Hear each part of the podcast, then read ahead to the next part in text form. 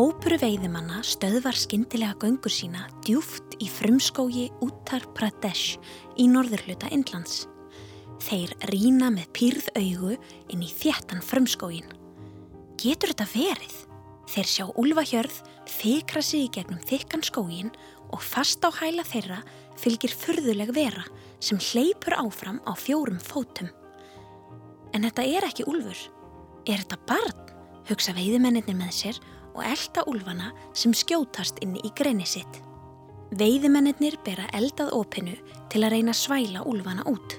Reykurinn þvingar úlfahópin út og líka þessa fyrðu veru sem þeir sjá nú að þeir ekki úlfur heldur barn.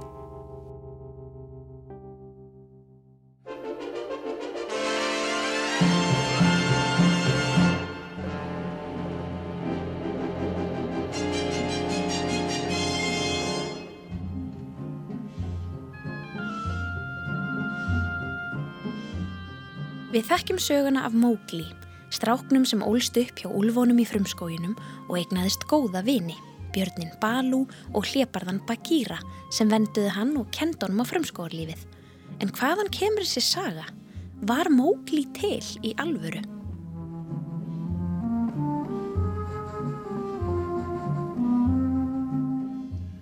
Sagan um Mógli kom út í sögubókinni Jungle Book sem heitir Skóarlíf á íslensku.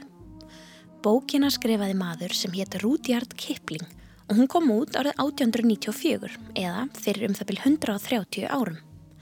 Kipling var breskur en ólst upp á Indlandi. Dýralífið, mannlífið og frumskóarnir á Indlandi hafðu mikil áhrif á sögurnar sem hann skrifaði. Á þessum tíma var algengt að svokölluð villi börn fyndust í skóginum og eitt frægasta dæmið er barnið sem við heyrðum um hér áðan. Úlfadrengurinn sem fannst í frumskóginum í Uttar Pradesh. Margir haldaði personan Mowgli sé byggð á þessum dreng og það er ekki ólíklegt, þó rithöfundurinn hafi reyndar aldrei staðfest það. Sagan um Mowgli kom út mörgum árum eftir að úlfadrengurinn fannst og það eru mikið líkindi með sögum þeirra.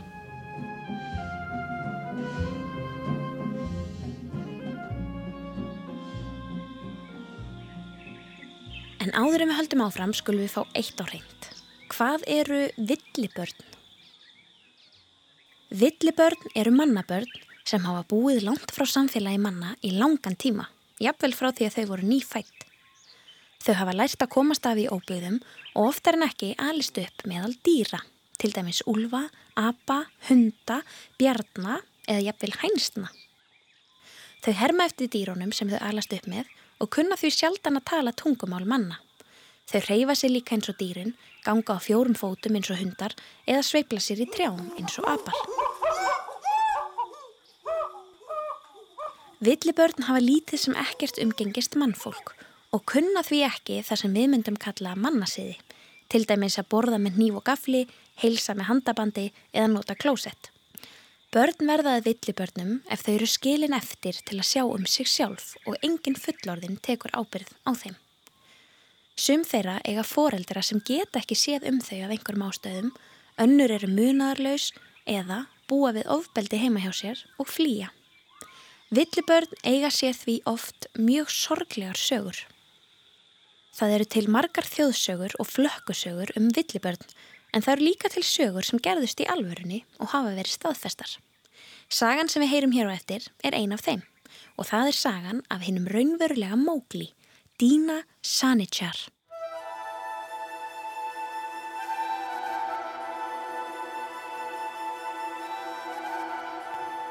Árið er 1867 og flokkur veiðimanna hefur verið að veiðum í frumskóginum í margar vikur. Þeim gengur frekar illa svo þeir reyna við svæði sem þeir þekka ekki vel. Allt í einu kemur grár úlfur, sér veiðimennina og hleypur burt í ofbóði. Hann hegða sér óvennilega og ylfrar mikið, eins og hann sé að reyna að láta vita að það séu veiðimenn á svæðinu. Allir veiðimenninir í hópnum elda hann og fylgjast með honum hlaupað stóru bjargi og ylfra hátt. Síðan hverfur hann í greinið sitt. Uppi á stóra bjarginu sjá þeir móta fyrir förðulegri veru. Þetta er ekki úlfur, en hvað er þetta þá? Þegar úlfurinn ílvaraði var eins og veran skinjaði að það veri hægt á ferð, fór á fjóra fætur og eldi úlfinn inn í grenið.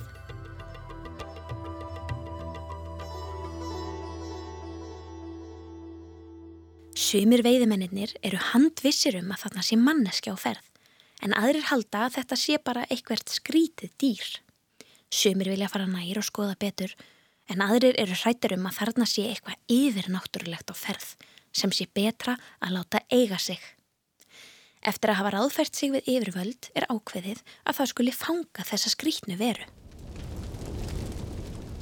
Veiðimennir fara saman í stórum hóp og kveika eld við opið á greni úlfana til að freysta þess að svæla þá út. Reykurinn fyllir grenið, úlvarnir hlaupa út og fast á hæla þeirra fylgir förðu veran sem veiðimennir reyna umsvefa löst að handsama. Upphefst mikil baróta og slagsmál því veran er ekki á því að láta handsama sig. Hún býtur og slær og berst um. Að lokum hafa veiðmennir betur og nú geta þeir skoðað hana nánar. Getur þetta verið? Þarf í alvöru heilan flokk fullorðina manna til þess að fanga og berjast við þessa loðnu veru sem er ekki bara manneskja, heldur barn, ungur drengur.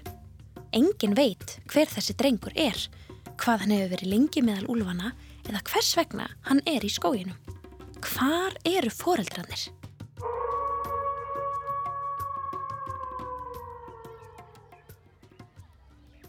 Veiðimennir koma aftur sigri hrósandi til Agra en það er nafn borgarinnar sem er næst skóginum.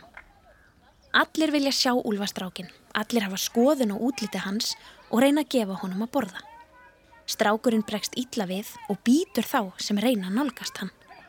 Það þarf líka að fylgjast með honum öllum stundum því hann notar hvert tækifæri til að reyna að flýja aftur inn í skógin. Var þetta ekki stórfenglegt?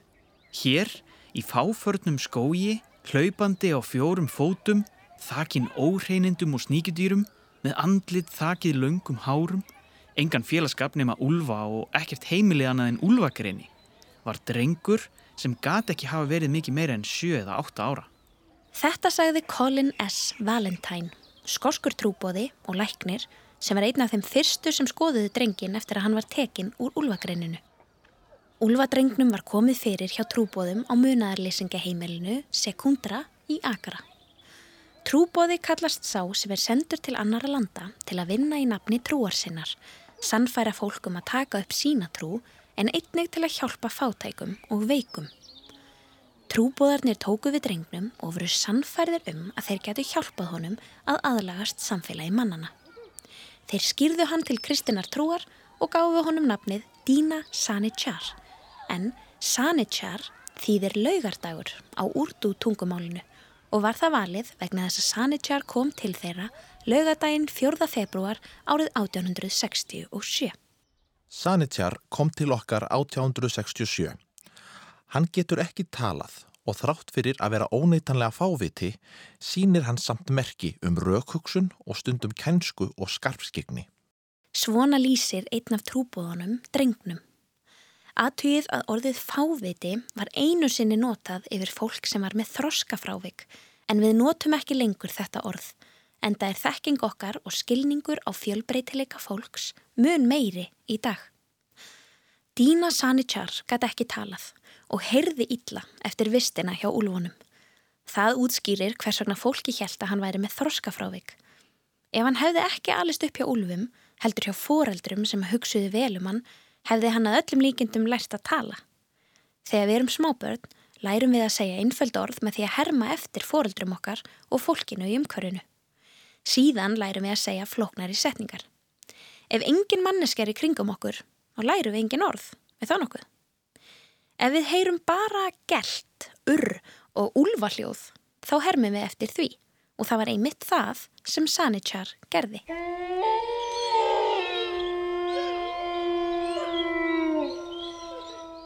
Sanichar átti mjög erfitt með að vennjast lífunu hjá mannfólkinu þar sem hann skildi ekkert hvað var í gangi í kringum hann skildi ekki það sem sagt var við hann og vissi ekki hvernig hann ætti að hegða sér.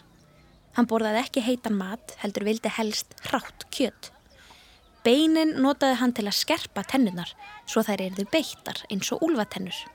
Hann þóldi ekki að klæðast fötum og reif sig úr þeim við hvert tækifæri. Trúbóðarnir gáfist ekki upp á honum, heldur reyndu markvist að hjálpa honum að aðlagast samfélagi manna og með tímanum var þann opnari fyrir því að ganga í fötum og borða heitan mat.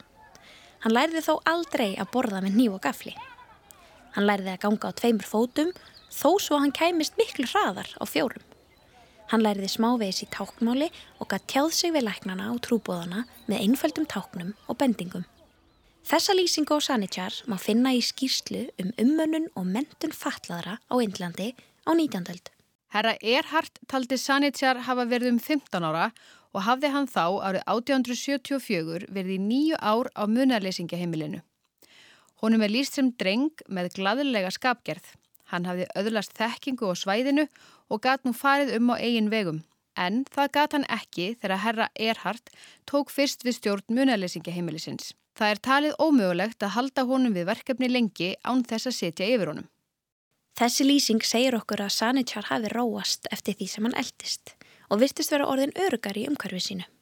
Hann átti hins vegar alltaf erfitt með skapið og ef hann reytist örðu hinbönnin hrætt við hann og stundum fullotna fólki líka. Hann var enn með viðbrað úlfsins og sömur báru ör allt sitt líf eftir slagsmál við Sanitjar. Eitt af því sem villibörn eiga í mestum erfileikum með er að tengjast annari mannveru tilfinningalegum böndum. Það er vegna þess að þegar við erum pínu lítil þurfum við að vera mikið með fórildrum okkar til að læra af þeim. Unga börn horfa framann í fórildra sína og herma eftir þeim, hlæja og tala. Þau vilja láta halda á sér og finna fyrir návist fórildra sína. Villibörn fá þetta ekki og því eiga þau erfiðara með að læra að elska og þykja væntum annað fólk. Þess vegna var starfsfólk munaðarleysingaheimilisins stein hissa þegar annað villibarn kom þangað. Varðandi drengin sem komið var með á munaðarleysingaheimilið 5. mars 1872. Furðuleg tenging byggð á samkend myndaðist á milli þessa tveggjastráka og sá eldri kendi hinnum yngri að drekka úr glasi. Þar sem báðir drengirnir ólust upp meðal dýra þá leið þeim betur í návist hvors annars en með fólki. Sanitjar bjó alla sína æfi á munaðarleysingaheimilinu þar sem hann gæti ekki lifað sjálfstæðu lífi í borginni, unnið fyrir sér eða eignast fjölskyldu. Colin Valentine skrifar Í dag hlýtur Sanitjar að vera í kringum 23 ára aldur, þó hann líti út fyrir að vera eldri. Höfuð hans er lítið og augabrúnir hans óvenjulega lágar en augu hans virðast stór í samanburið við höfuð hans og andlit, grá að lit. Hann hefur lítið þunnleitt og rukkótt andlit með einu eða tveimur stórum örum sem eru ábyggilega eftir bit. Örin má finna á fleiri stöðum á líkama hans og eru merki um þá harneskjulegu meðferð sem hann, óviljandi, varð fyrir þegar hann bjó í helli með sínum óvingjartlegu félögum. Eitt af því fáa sem Sanitjar lærði af mönnum var að reykja síkaretur. Hann reykti mjög mikið og í dag er talið að hann hafi dáið úr berglum en það er lúnasjúkdómur. Lungun í honum voru illa farin eftir mörg ár af reykingum. Hann dó árið 1895. Þar sem við vitum ekki hvað hann fættist eða hvenar, vitum við ekki heldur hvað hann var nákvæmlega gamal þegar hann dó en það er þó talið að hann hafi verið í kringum 35 ára. Um það leiti sem Dína Sanitjar fannst fundust fleiri villibörn á Indlandi og eftir því sem árin liðu fundust fleiri og fleiri. Ekki bara á Indlandi, heldur allstaðar í heiminum. Áhugi heimsbyðarinnar og þessum villibörnum jógst og sérstaklega með skáldsögum eins og skóarlífi og mógli. Það eru því til óteljandi svona sögur þó að margar þeirra séu ekki sannar eða staðfestar. Sagan um Mowgli er ævintýraleg og falleg. Dýrin passa vel upp á hann og síðar meir fer hann að fúsum og frjálsum vilja aftur í samfélag mannana. Sögurnar í ævintýrunum er oft fallegri en raunveruleikin því villibörn eins og Dína Sanitjar áttur sjálfnast auðvelt líf. Þau pössuðu kvorkin í samfélag dýra nýja samfélag manna. Sögur af villibörnum sína okkur hvað það er mikilvægt að börn fái alast upp í örugu umhverfi þar sem þau eru í návist annars fólks, læra tungumálið og tjá tilfinningar sínar. Að búa með dýrum og eiga gæludýr kennir okkur margt og samband manna og dýra getur verið einstakt og fallegt.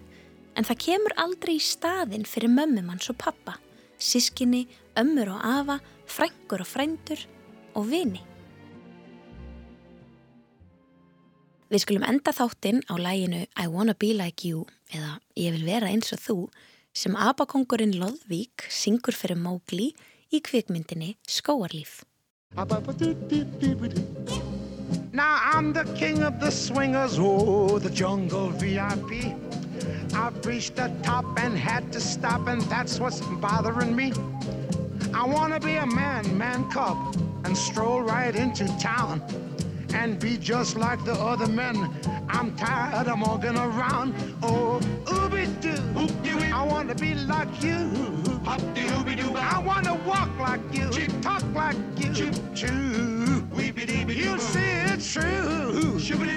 And they like me. Can learn to be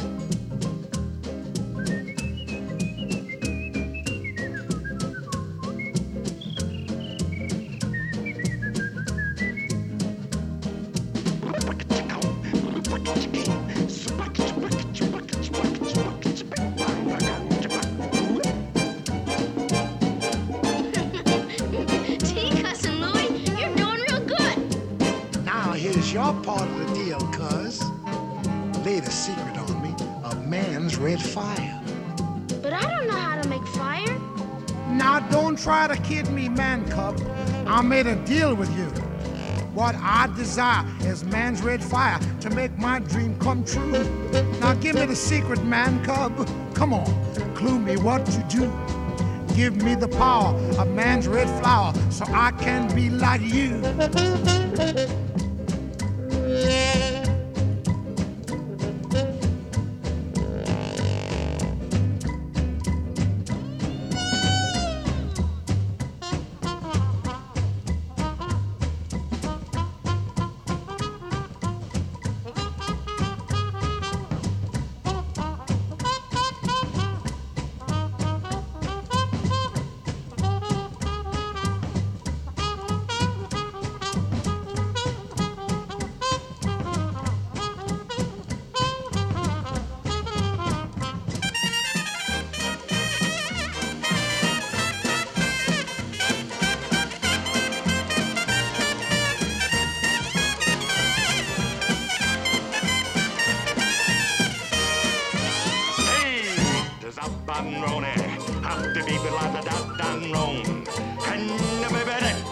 Abba doo da day, doo bum da boo da day, so bones about bum bobby. Abba doo dee. a reap banaza. Abba da ba doy. Willa la ba zini. Walla but willa but. Steebla la doody. Ooh ooh ooh. Willa ha ha ha ha. Get mad, baby. Ha la la la. Willa ha la la la do doody. Oh lo do dee loo. Doodle doodle da da da da da. Doodle doodle doodle doodle. Steebla da da ha ba da. Yoo hoo.